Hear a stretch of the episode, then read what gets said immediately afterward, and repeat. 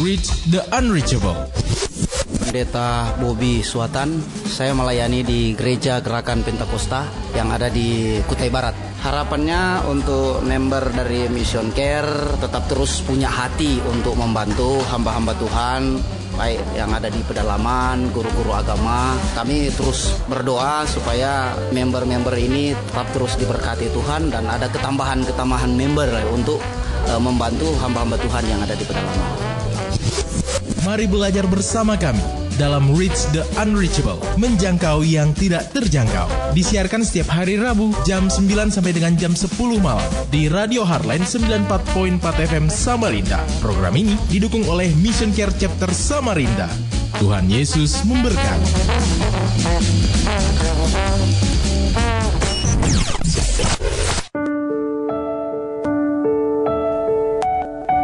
Iya, shalom selamat malam hal listener Anda dalam program yang tiangkau persembahan Mission Care Chapter Samarinda dan disponsori Tire Solution yang menghadirkan kendaraan Anda ya.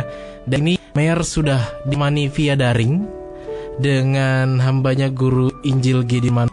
Halo, oke. Okay. Oke. Okay, ya. uh, Mayor perkenalkan dulu Bapak Gideon sebagai Sekretaris Mission Care Chapter Samarinda sebagai Sekretaris Asosiasi Pendeta Indonesia atau API Kota Samarinda, sebagai penasehat Yayasan Mikael Indonesia, dan juga sebagai dosen teologi dan guru agama Kristen, sebagai penyuluh agama Kristen di Bimas Kristen Kota Samarinda. Dan bagi saudara yang terkasih yang memerlukan pelayanan konseling dan pemuritan di Kota Samarinda, dapat menghubungi langsung ke Bapak Gideon juga nih ya, dengan tema kita malam hari ini, kepedulian Andreas. Menarik untuk kita memahami kepedulian Andreas dalam kehidupan kita saat ini. Untuk waktunya Pak, dipersilahkan. Ya, selamat malam saudara saudari yang dikasih oleh Tuhan, Bapak Ibu yang dikasih oleh Tuhan. Kami sangat bersyukur pada malam hari ini bisa bersama-sama kembali untuk merenungkan kebenaran firman Tuhan. Belum kita merenungkan firman Tuhan, kita berdoa bersama-sama. Bapak dalam Raja kami kepada malam hari ini menyerahkan seluruh keberadaan kami ke dalam tangan kuasa Tuhan. Baik hambamu yang akan menyeri mendengarkan siaran ini. Datangan Tuhan yang penuh kuasa, baik kami pada malam hari ini. Segan bagi namamu, kami datang mengucap syukur dan doa. Amin. Amin. Ya, saudara Mayor, yang dikasih Tuhan, akan menerkan seri yang memiliki kepedulian kita ambil dasar Alkitab Yohanes salah 1 ayat yang ke-35 saya ayat yang 42. Saya akan membaca ke semua Bapak Ibu Pada keesokan harinya Yohanes Pembaptis gitu ya. Yohanes di sini ditulis Yohanes ini pribadi Yohanes Pembaptis berdiri di situ pula dengan dua orang muridnya. Ayat 36 dan ketika ia melihat Yesus lewat ia berkata lihatlah anak domba Allah. Ayat 37, kedua murid itu mendengar apa yang dikatakannya itu, lalu mereka pergi mengikut Yesus. Tetapi Yesus menoleh ke belakang, ia melihat bahwa mereka mengikuti dia, lalu berkata kepada mereka, "Apakah yang kamu cari?" Kata mereka kepadanya, "Rabi artinya guru, di manakah engkau tinggal?" Ayat 39, ia berkata kepada mereka, "Marilah dan kamu akan melihat." Mereka pun datang dan melihat di mana ia tinggal dan hari itu mereka tinggal bersama-sama dengan dia. Waktu itu kira-kira pukul 4. Salah seorang dari keduanya yang mendengar perkataan Yohanes lalu mengikut Yesus adalah Andreas, saudara Simon Petrus. Andreas mula-mula bertemu dengan Simon, saudaranya, dan ia berkata kepadanya, kami telah menemukan Mesias, artinya Kristus. Ayat 42, ia membawanya kepada Yesus. Yesus memandang dia dan berkata, engkau Simon, anak Yohanes, engkau akan dinamakan Kefas, artinya Petrus. Bapak Ibu Saudara-saudara kasih dalam Tuhan, tokoh Alkitab hari ini adalah Andreas. Kalau kita melihat bahwa ketokohan Andreas yang hanya ditulis 12 sampai 13 kali, maka kita akan melihat dampaknya mungkin tidak ada. Tetapi di dalam Yohanes pasal 1 ayat 35 sampai 42 kita jelas melihat bahwa kepedulian dari Andreas yang bertemu dengan Tuhan Yesus dari gurunya Yohanes Pembaptis, maka dampak yang terjadi adalah dalam diri Simon Petrus. Tuhan menemukan Simon Petrus yang akan menjadi disebut rasul yang paling utama dan oleh gereja Katolik merupakan seorang santo dan dialah awal ya yang menjadi cikal bakal yang disebut dengan paus itu. Bapak Ibu Saudara-saudara kasih dalam Tuhan, Andreas adalah saudara Simon Petrus. Andreas adalah adik daripada menurut sejarah adik daripada Simon Petrus. Pada waktu Tuhan Yesus bertemu dengan Andreas oleh karena seruan daripada Yohanes Pembaptis yang mengatakan lihatlah anak domba Allah, lalu Andreas mengikut Yesus, maka kita tahu pertemuan dengan Tuhan Yesus mengubah kehidupan daripada Andreas. Andreas adalah seorang yang banyak uh, memperdulikan, dimulai dengan memperdulikan saudaranya, Simon Petrus, yang nanti akhirnya di dalam sejarah gereja kita tahu bahwa Simon Petrus adalah seorang yang dipakai oleh Tuhan luar biasa. Walaupun dia juga tetap menjadi rasul, tetapi paling tidak kepedulian daripada Andreas adalah kepedulian yang rohani. Dimulai dari kepedulian bahwa dia bertemu dan menyaksikan Tuhan Yesus. Pada waktu itu bangsa Israel sangat menanti-nantikan Mesias yang dijanjikan di dalam perjanjian lama. Tiba-tiba saat itu Andreas sangat meyakinkan Simon Petrus bahwa dia sudah bertemu dengan Mesias yang dalam bahasa uh, Yunani adalah Kristus yang benar-benar diutus oleh Tuhan untuk membebaskan manusia dari segala dosa mereka. Kepedulian Andreas adalah kepedulian yang abadi, kepedulian yang murni.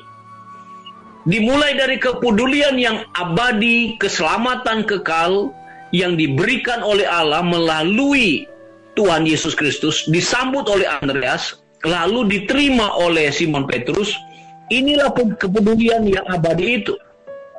Kepedulian abadi adalah kepedulian yang membawa semua pribadi-pribadi bukan hanya menerima berkat rohani, tetapi berkat seluruh yang dilimpahkan oleh Allah.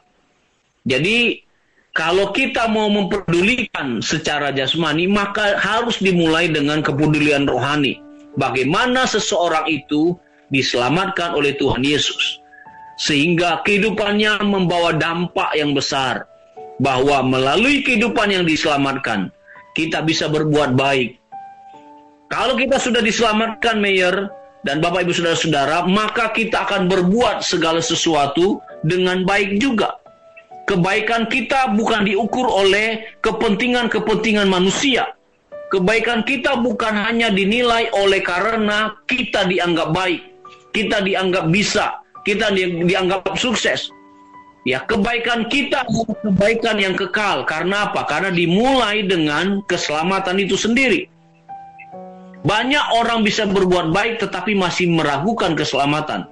Sehingga dia bertanya bahwa kebaikan dia adalah kebaikan yang seakan-akan tidak menentu, tidak ada kepastian. Tetapi kebaikan kita yang sudah diselamatkan seperti Andreas, membawa Simon Petrus kepada Yesus, sebagai Tuhan dan Juru Selamat pribadinya, menemukan Kristus yang adalah Juru Selamat, menemukan Mesias yang dijanjikan dalam Perjanjian Lama, maka semua keutuhan kebaikan adalah kebaikan yang murni, kebaikan yang bersifat abadi, sehingga kebaikan kita bukan hanya dihitung dalam kehidupan kehidupan sehari-hari yang sementara, tetapi kebaikan kita diperhitungkan oleh Tuhan dari sekarang dimulai dari satu start kepada kepada kekekalan. Bukan ini yang itu yang kita rindukan Mayor dan Bapak Ibu Saudara-saudara kasih dalam Tuhan. Bahwa kebaikan kita diperhitungkan oleh Allah. Oleh karena apa? Oleh karena kita sudah diselamatkan. Bagaimana kita mau diperhitungkan kalau kita sendiri masih ragu-ragu tentang keselamatan kita? Bagaimana kebaikan kita bisa kita memastikan kepada orang lain sedangkan kita sendiri masih ragu-ragu dengan kebaikan kita. Benar atau tidak kebaikan kita ini?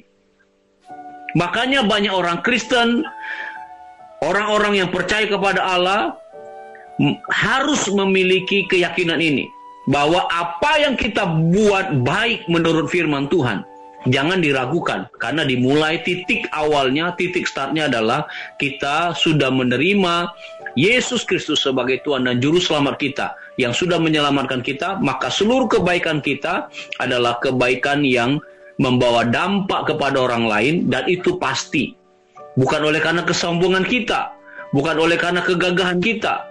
Ya semua keselamatan kita kebaikan kita. Setelah kita diselamatkan ada kebaikan, ada kemurnian kita, segala sesuatu yang kita buat adalah buat untuk memuliakan Tuhan, bukan untuk diri kita sendiri. Jadi segala sesuatu kita persembahkan kepada Tuhan, baik itu dana kita maupun juga paket sembako kita. Ingat, itu bukan untuk nama kita. Ya, paket sembako yang kita buat apa pun juga yang kita ya kita perbuat di masa pandemi kemarin dan kita sudah mulai berangsur-angsur untuk normal ya kita tidak pakai lagi masker kalau kita sendiri kalau kita pakai masker hanya di gereja mungkin hmm. karena kita masih bertemu dengan saudara-saudara seiman tapi ingat yang kita lakukan pembagian sembako, pembagian masker memang itu bagian kecil dari mana kita sudah diselamatkan oleh Tuhan Yesus Kristus. Jadi yakinlah nilainya adalah bersifat kekal. Itu dalam pandangan firman Tuhan. Jadi apa yang kita persembahkan kepada Tuhan, yang kita bagikan kepada orang lain, oleh karena kebaikan yang sudah kita terima dari Tuhan, kita yakinkan itu untuk memuliakan Tuhan. Begitu Mayor, iya. untuk sesi yang pertama ini. Hmm mungkin kita akan kembali kepada sesi yang kedua nantinya. Oke, dan pastinya terima kasih Pak Gideon di mana kita bisa belajar dari apa yang Andreas lakukan adalah berserah dan betul-betul menjalankan apa yang Tuhan kendaki, bukan menjalan iya. dengan keraguan kita ya Pak ya. Iya, betul. Iya. Dan pastinya kami masih mengundang Anda untuk dapat bergabung di line SMS WhatsApp di 08538872 di 0858722594. Hanya kalau live di Facebook lagi ada gangguan ya, kemudian segmen kedua ini bisa lancar lagi uh, di yang pada monitor juga di Facebook dan tetap terus stay tune di Harlan FM dalam program Bridge the Unreachable menjangkau tak terjangkau.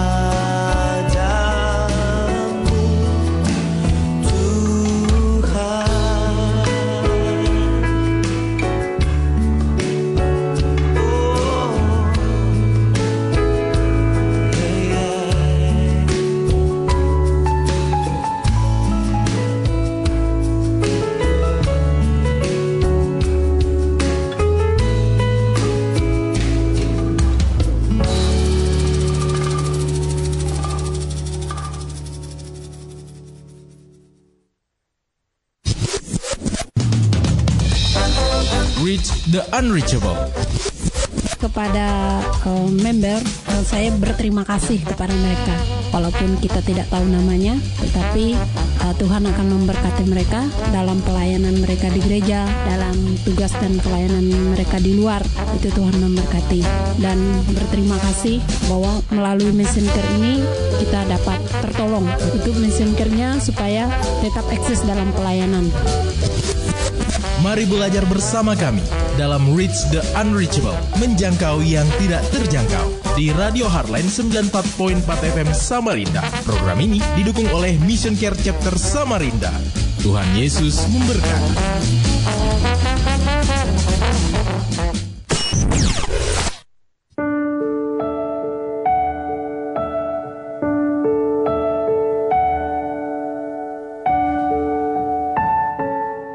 Iya, listener kembali lagi pastinya di ruang dengar Anda masih dalam program Reach the Unreachable, menjangkau yang tak terjangkau. Pastinya program ini dipersembahkan oleh Dermaga Jaya Group, ini disponsori ya, disponsori oleh Dermaga Jaya Group, One Stop Tire Solution, dan dipersembahkan oleh Mission Care Chapter Samarinda.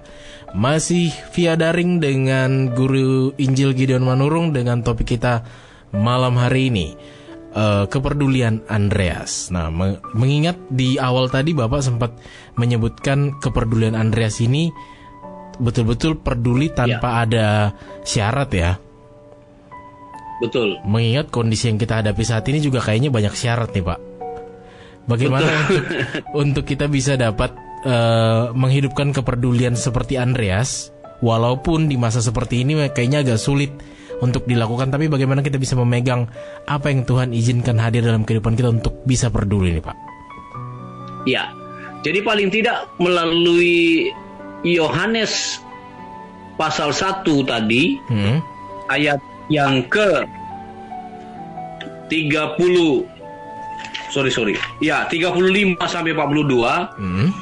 kita sudah diarahkan oleh firman Tuhan bahwa kalau kita memiliki kepedulian yang tanpa syarat adalah kepedulian di mana kita merasa, kita yakin, hmm. dan kita bersungguh-sungguh kalau kita sudah bertemu dengan Yesus sebagai Tuhan dan Juru Selamat. Oke. Okay. Kita sudah diselamatkan, maka kita tidak akan ragu bahwa kebaikan kita itu sebenarnya adalah didasari oleh pada keselamatan kita. Hmm. Nah, selama ini mengapa orang memiliki syarat sehingga dia memiliki kepedulian. Ya. Oleh karena dia sendiri merasa tidak yakin bahwa dia sudah diselamatkan oleh Tuhan. Hmm. Dosanya sudah diampuni, hidupnya diperbaharui. Walaupun, Mayor, kita ini belum sempurna. Ingat ya. itu. Betul. Jadi orang Kristen itu bukan berarti semuanya sempurna dalam pelayanannya, hidupnya, dan kok berani memberikan kepedulian kepada orang lain. Hmm.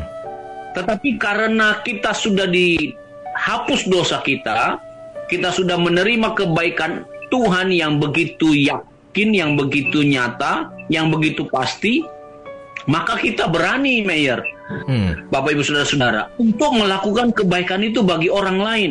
Ya, tapi jika Contoh. sebagai pengingat dulu nih Pak, sebagai pengingat. Ya uh, dari kayak tadi bahwa kita memang bukan manusia yang sempurna. Tapi bagaimana betul. mengukur kepedulian yang betul-betul nyata di mata Tuhan melalui sikap Andres yang sudah Bapak sampaikan tadi? Ya awalnya memang harus kita melihat bahwa kalau dari hati kita, dari pikiran kita, dari seluruh perasaan kita sebagai manusia yang sudah diselamatkan, kita mau berbuat sesuatu, hmm. maka kita tahu bahwa ketidakraguan kita menolong orang lain, membagi misalnya contoh membagi sembako, ya. dia kita tidak melihat orang itu, oh nanti kalau saya bagi sembako, nanti dia berbuat jahat misalnya contohnya. Oh nanti kalau saya bagikan e, sembako ini, nanti dia jual lagi misalnya itu. Okay. Enggak. Ya, jadi kita murni memang membantu dia. Hmm. Ya, oh nanti kalau kita bagi makanan nanti dikiranya kita nanti ada babi misalnya, berbau babi. Tidak ada pikiran seperti itu. Jadi hmm. kita sungguh-sungguh mengerjakannya sebagai orang Kristen, mau melakukan dengan kebaikan.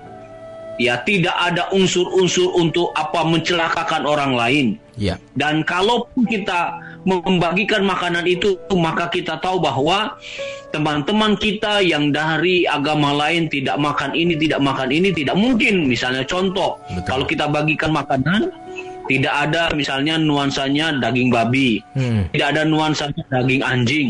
Tidak ada nuansanya yang yang sebenarnya ya tidak disukai orang lain.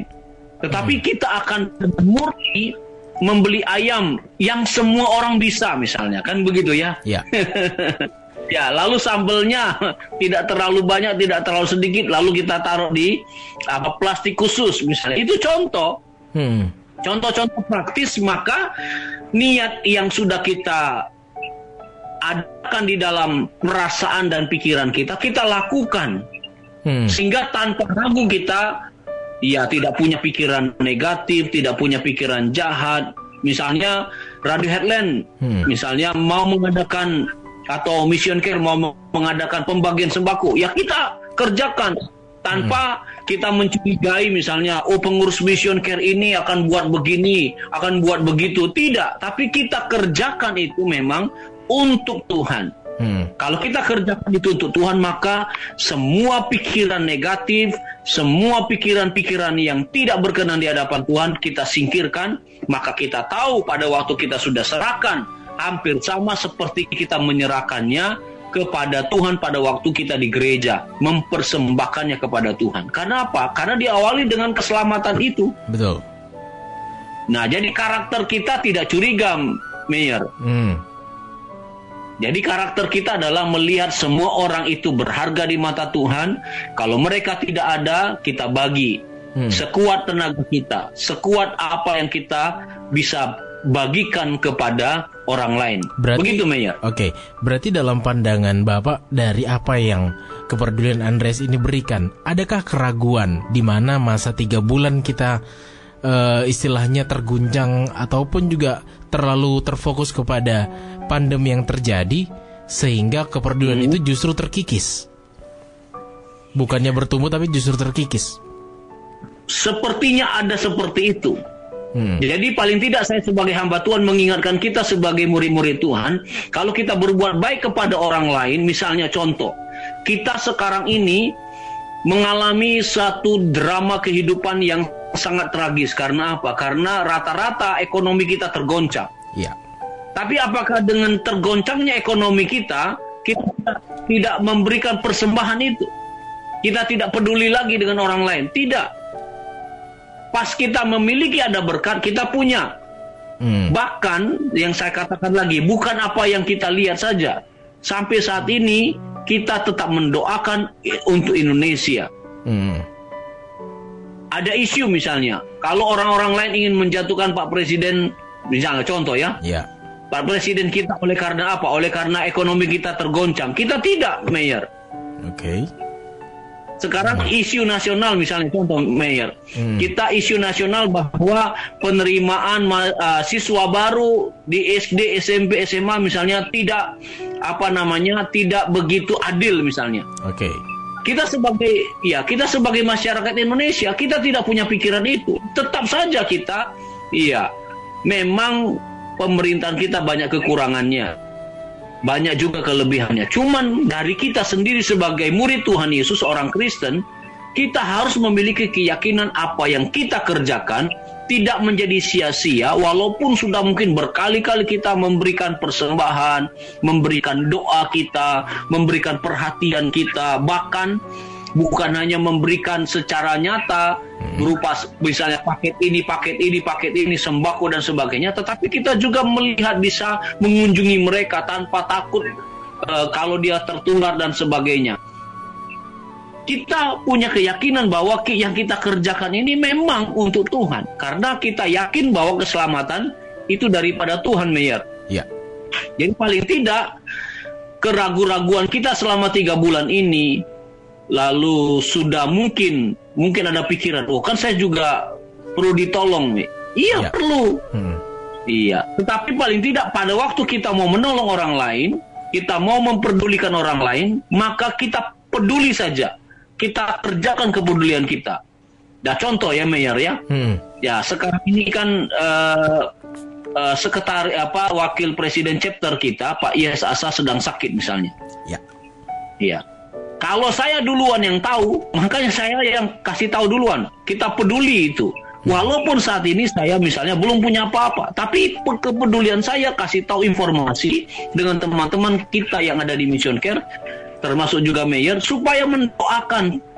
Nah akhirnya bagi saudara-saudara kita yang punya berkat, yang punya perhatian, seperti contoh Ibu Dike mempunyai perhatian, langsung bel, hmm. langsung hubungi Pak Pak siapa? Yes. Pak Yes. Hmm. Ya, Pak Yes harus ke ke dokter. Oh ya, bagaimana ke dokter? Diarahkan bagaimana? Itu contoh ya, contoh bahwa kepedulian kita sampai hari ini tidak luntur oleh karena apa? Oleh karena kita oh, tidak memperhitungkan diri kita. Iya, hmm. kita tidak memperhitungkan diri kita. Sama seperti Andreas tidak memperhitungkan informasi dari gurunya Yohanes Pembaptis yang berkata, "Lihatlah anak domba Allah, lalu dia langsung datang kepada Tuhan, langsung dia lihat Tuhan Yesus, setelah itu langsung dia kasih tahu Simon Petrus tanpa sedikit pun ada pikiran keraguan-raguan. Hmm. Jadi kepedulian kita tidak akan terkikis oleh karena apa? Keraguan-raguan kita, Mayor. Bapak Ibu Saudara-saudara. Jadi paling tidak Mengapa kita belajar dari toko Andreas dalam kepedulian ini? Karena kita memiliki keyakinan kita sudah diselamatkan oleh Tuhan. Pada waktu kita diselamatkan oleh Tuhan, tidak ada pikiran negatif, tidak ada pikiran-pikiran yang menyimpang. Semua yang kita kerjakan untuk Tuhan. Kalau dikerjakan untuk Tuhan berarti baik. Karena apa? Karena yang menilai bukan manusia tetapi Tuhan itu Meyer. Iya. Lalu yang kedua Meyernya, bukan hanya kepada saudaranya saja Meyer, kepada okay. abangnya, kepada kakaknya ya. Andreas ini di dalam Yohanes pasal 12 ayat yang ke-20 saya bacakan buat kita semua.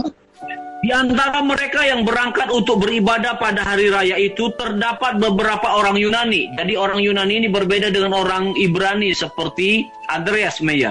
Bapak Ibu sudah-sudah ngerti dalam Tuhan. Ayat 21 daripada Yohanes berkata demikian. Orang-orang itu pergi kepada Filipus yang berasal dari Bethsaida di Galilea, lalu berkata kepadanya, Tuhan kami ingin bertemu dengan Yesus. Ayat 22, Filipus pergi memberitahukannya kepada Andreas, Andreas dan Filipus menyampaikannya pula kepada Yesus. Bayangkan Mayer, Filipus itu masih punya keraguan. Hmm karena orang lain ya, orang Yunani itu kan tidak levelnya, ya tidak selevel dengan orang Ibrani. Oke. Okay. Tetapi pada waktu Filipus datang kepada langsung bersama Filipus sendiri.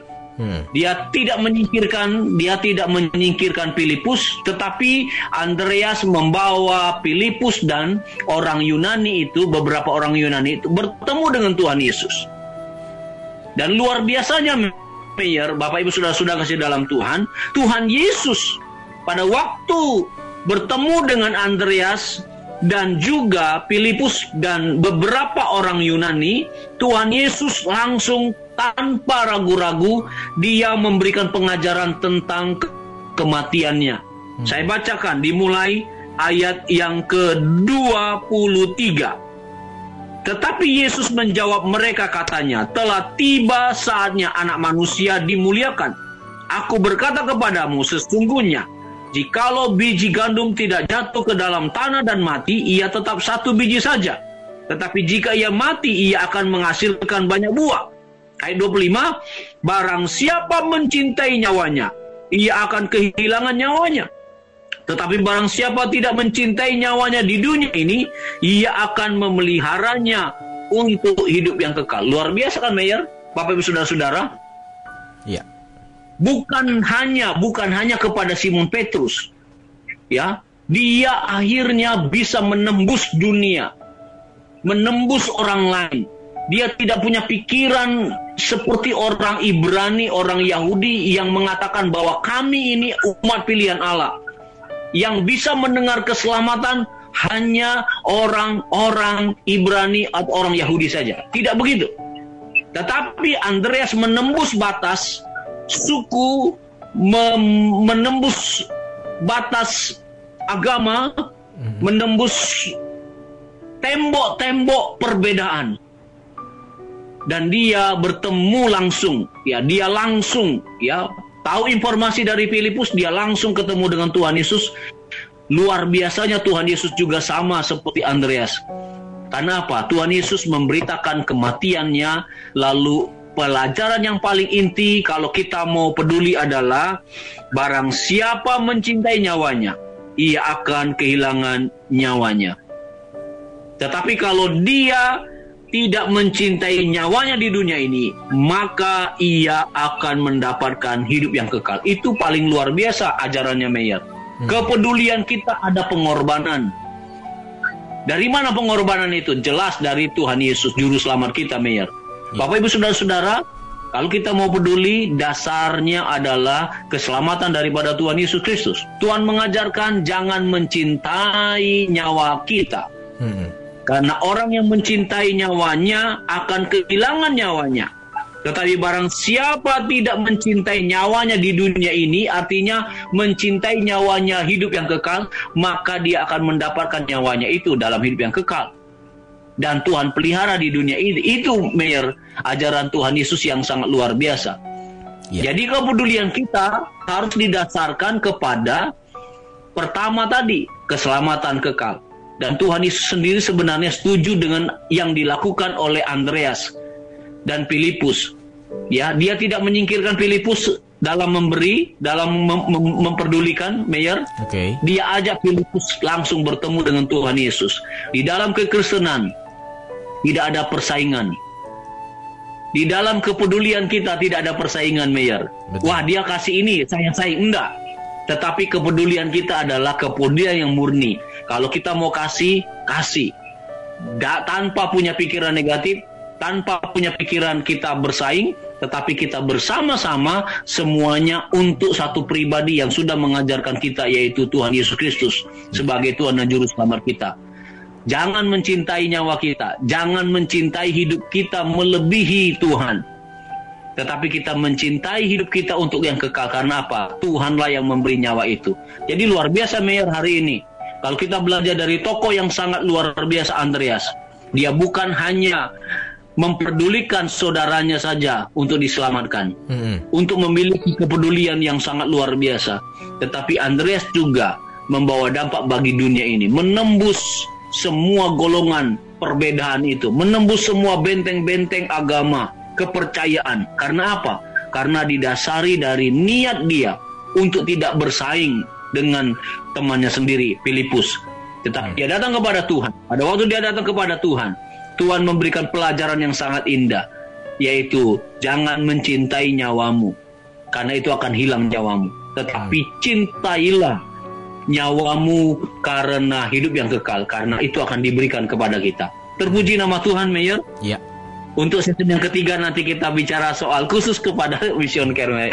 Oke, okay, dan pastinya menarik ya untuk kita dapat belajar bagaimana kepedulian Andreas untuk tetap bersungguh hati melakukan segalanya, bukan karena apa yang kita berikan ya Pak ya, tapi betul-betul yeah. ketulusan hati yang kita berikan kepada bukan nilainya maksudnya, bukan nilai tapi kesungguhan hati kita memberi kepada yang membutuhkan. Pastinya masih kita tunggu bergabung di line SMS dan WhatsApp di 0853 8872 2594 di 0853 8872 2594 dan pastinya kami akan segera kembali.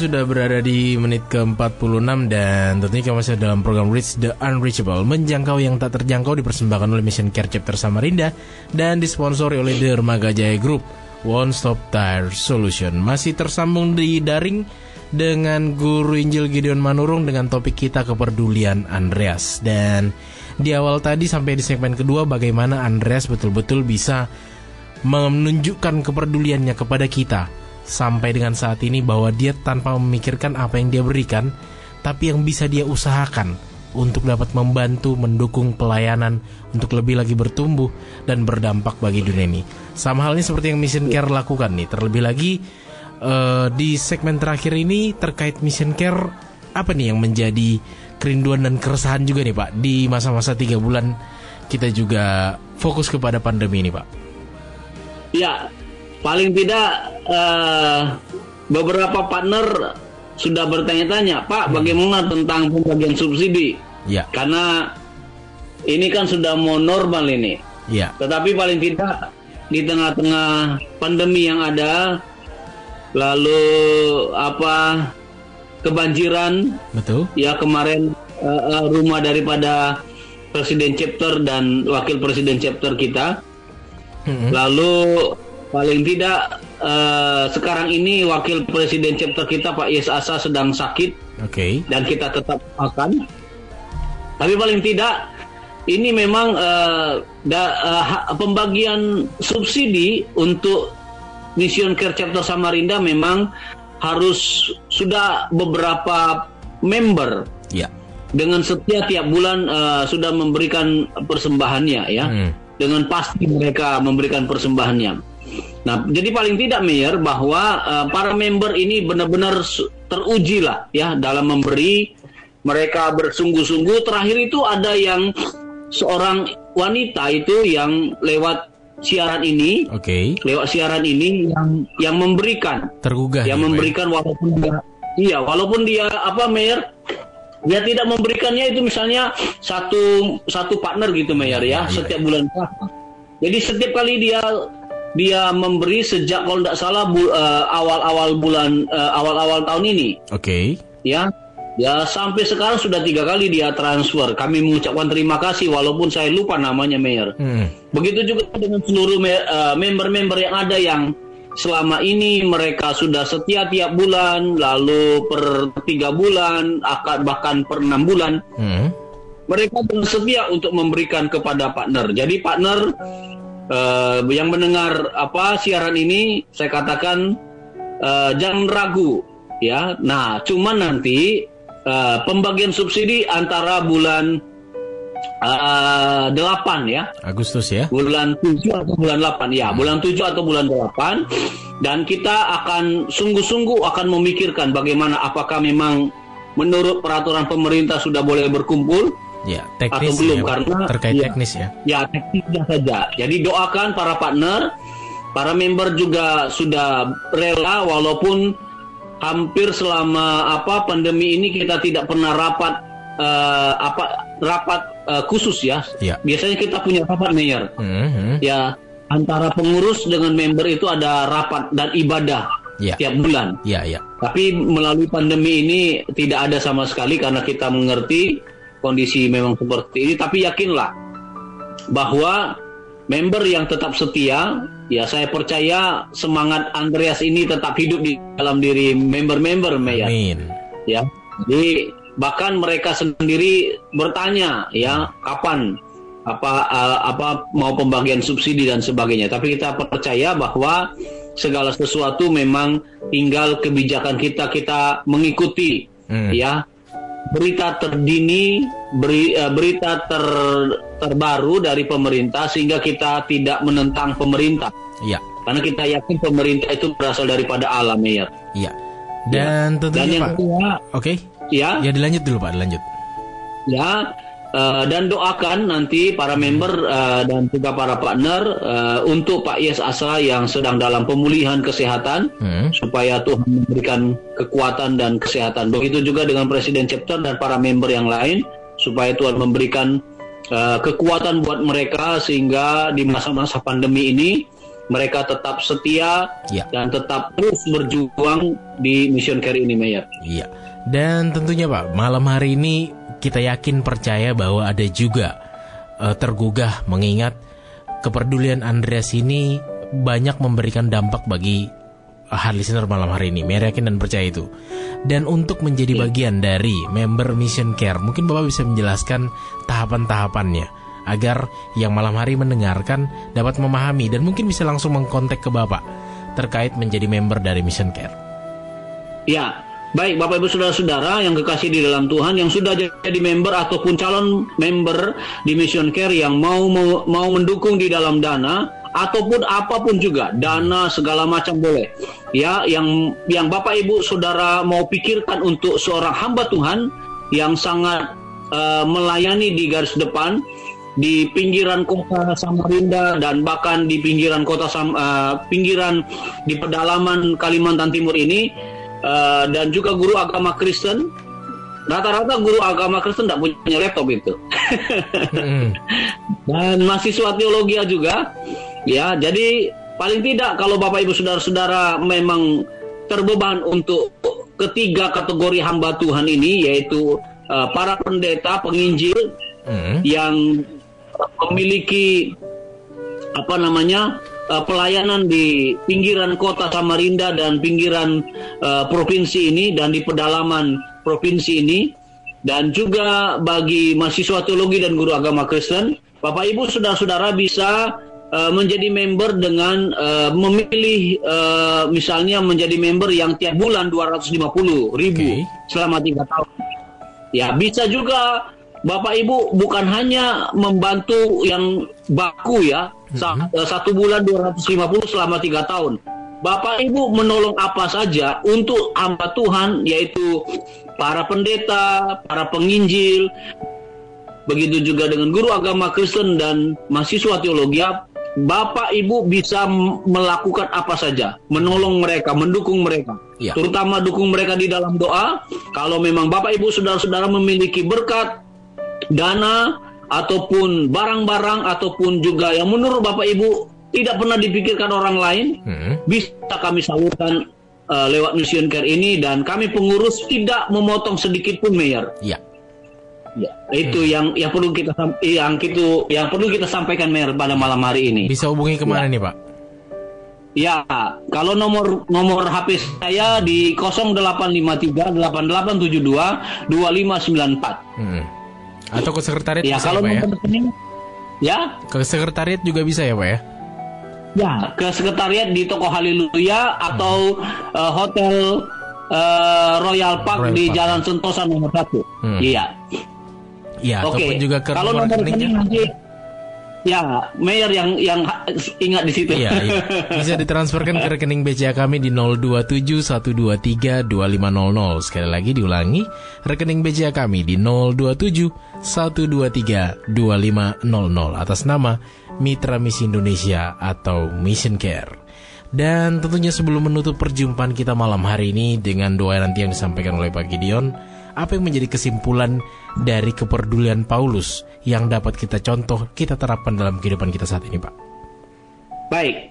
Kepedulian Andreas adalah kepedulian yang nyata saat ini, bukan hanya untuk saudaranya, tetapi juga untuk orang lain yang belum mengenal eh, pribadi daripada Tuhan, Hmm. yang mungkin belum mengenal Tuhan Yesus Kristus sebagai Tuhan dan Juru Selamat. Dia tidak memperhitungkan orang itu adalah orang itu sudah Kristen ataupun tidak Kristen. Hmm. Jadi dia memikirkan bagaimana caranya bahwa orang-orang lain pun bisa dipertemukan dengan Tuhan Yesus. Menembus agama, menembus benteng agama, kepercayaan dan segala sesuatu tanpa sedikit pun ragu bahwa kepedulian dia akan membawa dampak yang besar. Hmm. Jadi Mayor, kesimpulan kita hari ini adalah mari kita jangan ragu untuk berbuat baik. Jangan kita ragu kepedulian kita. Kalau kita bisa lakukan dana-dana, kalau kita bi- bisa lakukan barang-barang, kalau kita bisa lakukan itu di sekeliling keluarga kita, lakukan sekeliling keluarga kita. Kalau kita bisa lakukan untuk orang-orang lain yang tidak kita kenal seperti Andreas kepada orang Yunani, lakukan itu. Karena kita tahu bahwa ini semua adalah Tuhan perintahkan bagi kita semua tanpa ragu-ragu, tanpa pikiran negatif, tanpa sedikit pun kita mencari keuntungan pribadi. Tetapi satu tujuan kita adalah memuliakan nama Tuhan Yesus Kristus. Itu yang menjadi kesimpulan kita, ya. dan kita percaya bahwa setiap pendengar pada hari ini diberkati oleh Tuhan Amin. oleh karena mereka sudah mendukung pekerjaan Tuhan apa pun perbuatan baik mereka diperhitungkan oleh Tuhan Amin. dan kita tutup di dalam doa Mayor ya iya Pak Baik, kita berdoa. Mari Bapak Ibu Saudara-saudara yang kekasih di dalam Tuhan, ya para pendengar yang dikasih oleh Tuhan kita, tundukkan hati kita di hadapan Tuhan dan mari kita berdoa. Bapa di dalam kerajaan surga, kami datang kepadamu kembali, menyerahkan hidup kami sepenuhnya ke dalam tangan kuasamu. Karena kami tahu kepedulian perbuatan baik kami, bukan karena pikiran kami yang positif, bukan segala sesuatu kebaikan kami, tetapi oleh karena engkau mengajarkan kami bagaimana kami sudah diselamatkan dengan kebaikanmu sendiri. Segala kasihmu, segala kebaikanmu kami akan berikan kepada keluarga kami, yeah. kepada orang-orang dekat kami, bahkan orang-orang yang tidak kami kenal. Di dalam doa kami pada saat ini kami juga berdoa supaya Tuhan memelihara kami semua di dalam kasih Tuhan, di dalam kebaikan Tuhan. Sehingga orang yang belum percaya kepada Tuhan pun bisa berbuat baik sesuai dengan apa yang diajarkan oleh Tuhan yang memberikan kepastian keselamatan dalam kehidupan kami. Bapak dalam surga, kami juga berdoa bagi Mayor sebagai staff dan juga seluruh pelayanan uh, Radio Headland juga Tuhan berkati.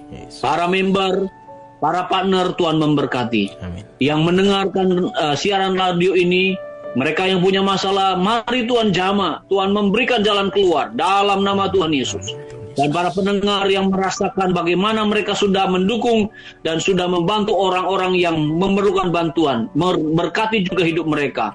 Segala sesuatu mendatangkan kepujian dan kemuliaan bagi nama Tuhan. Secara khusus kami berdoa bagi kota Samarinda pada hari ini. Tuhan pelihara di dalam kasih Tuhan dan kemurahan Tuhan. Sehingga kami mara bahaya, sehingga kami bisa beristirahat dengan tenang, sehingga kota kota ini diberkati oleh Tuhan untuk memuji memuliakan nama Tuhan. Ekonomi di Indonesia, ekonomi kota Samarinda dipulihkan oleh Tuhan dan akan naik bukan menjadi turun. Itu oleh karena kemurahan dan kebaikan Tuhan. Inilah doa kami Tuhan. Kami tutup uh, pelayanan kami, pemberitaan firman-Mu pada hari ini dan semua pelayanan mission care di radio uh, headline ini biarlah nama Tuhan dipermuliakan dan diagungkan dan hari ini dan malam ini kami terus memuji memuliakan nama Tuhan. Segala pujian, hormat kemuliaan bagi namamu ya Bapa.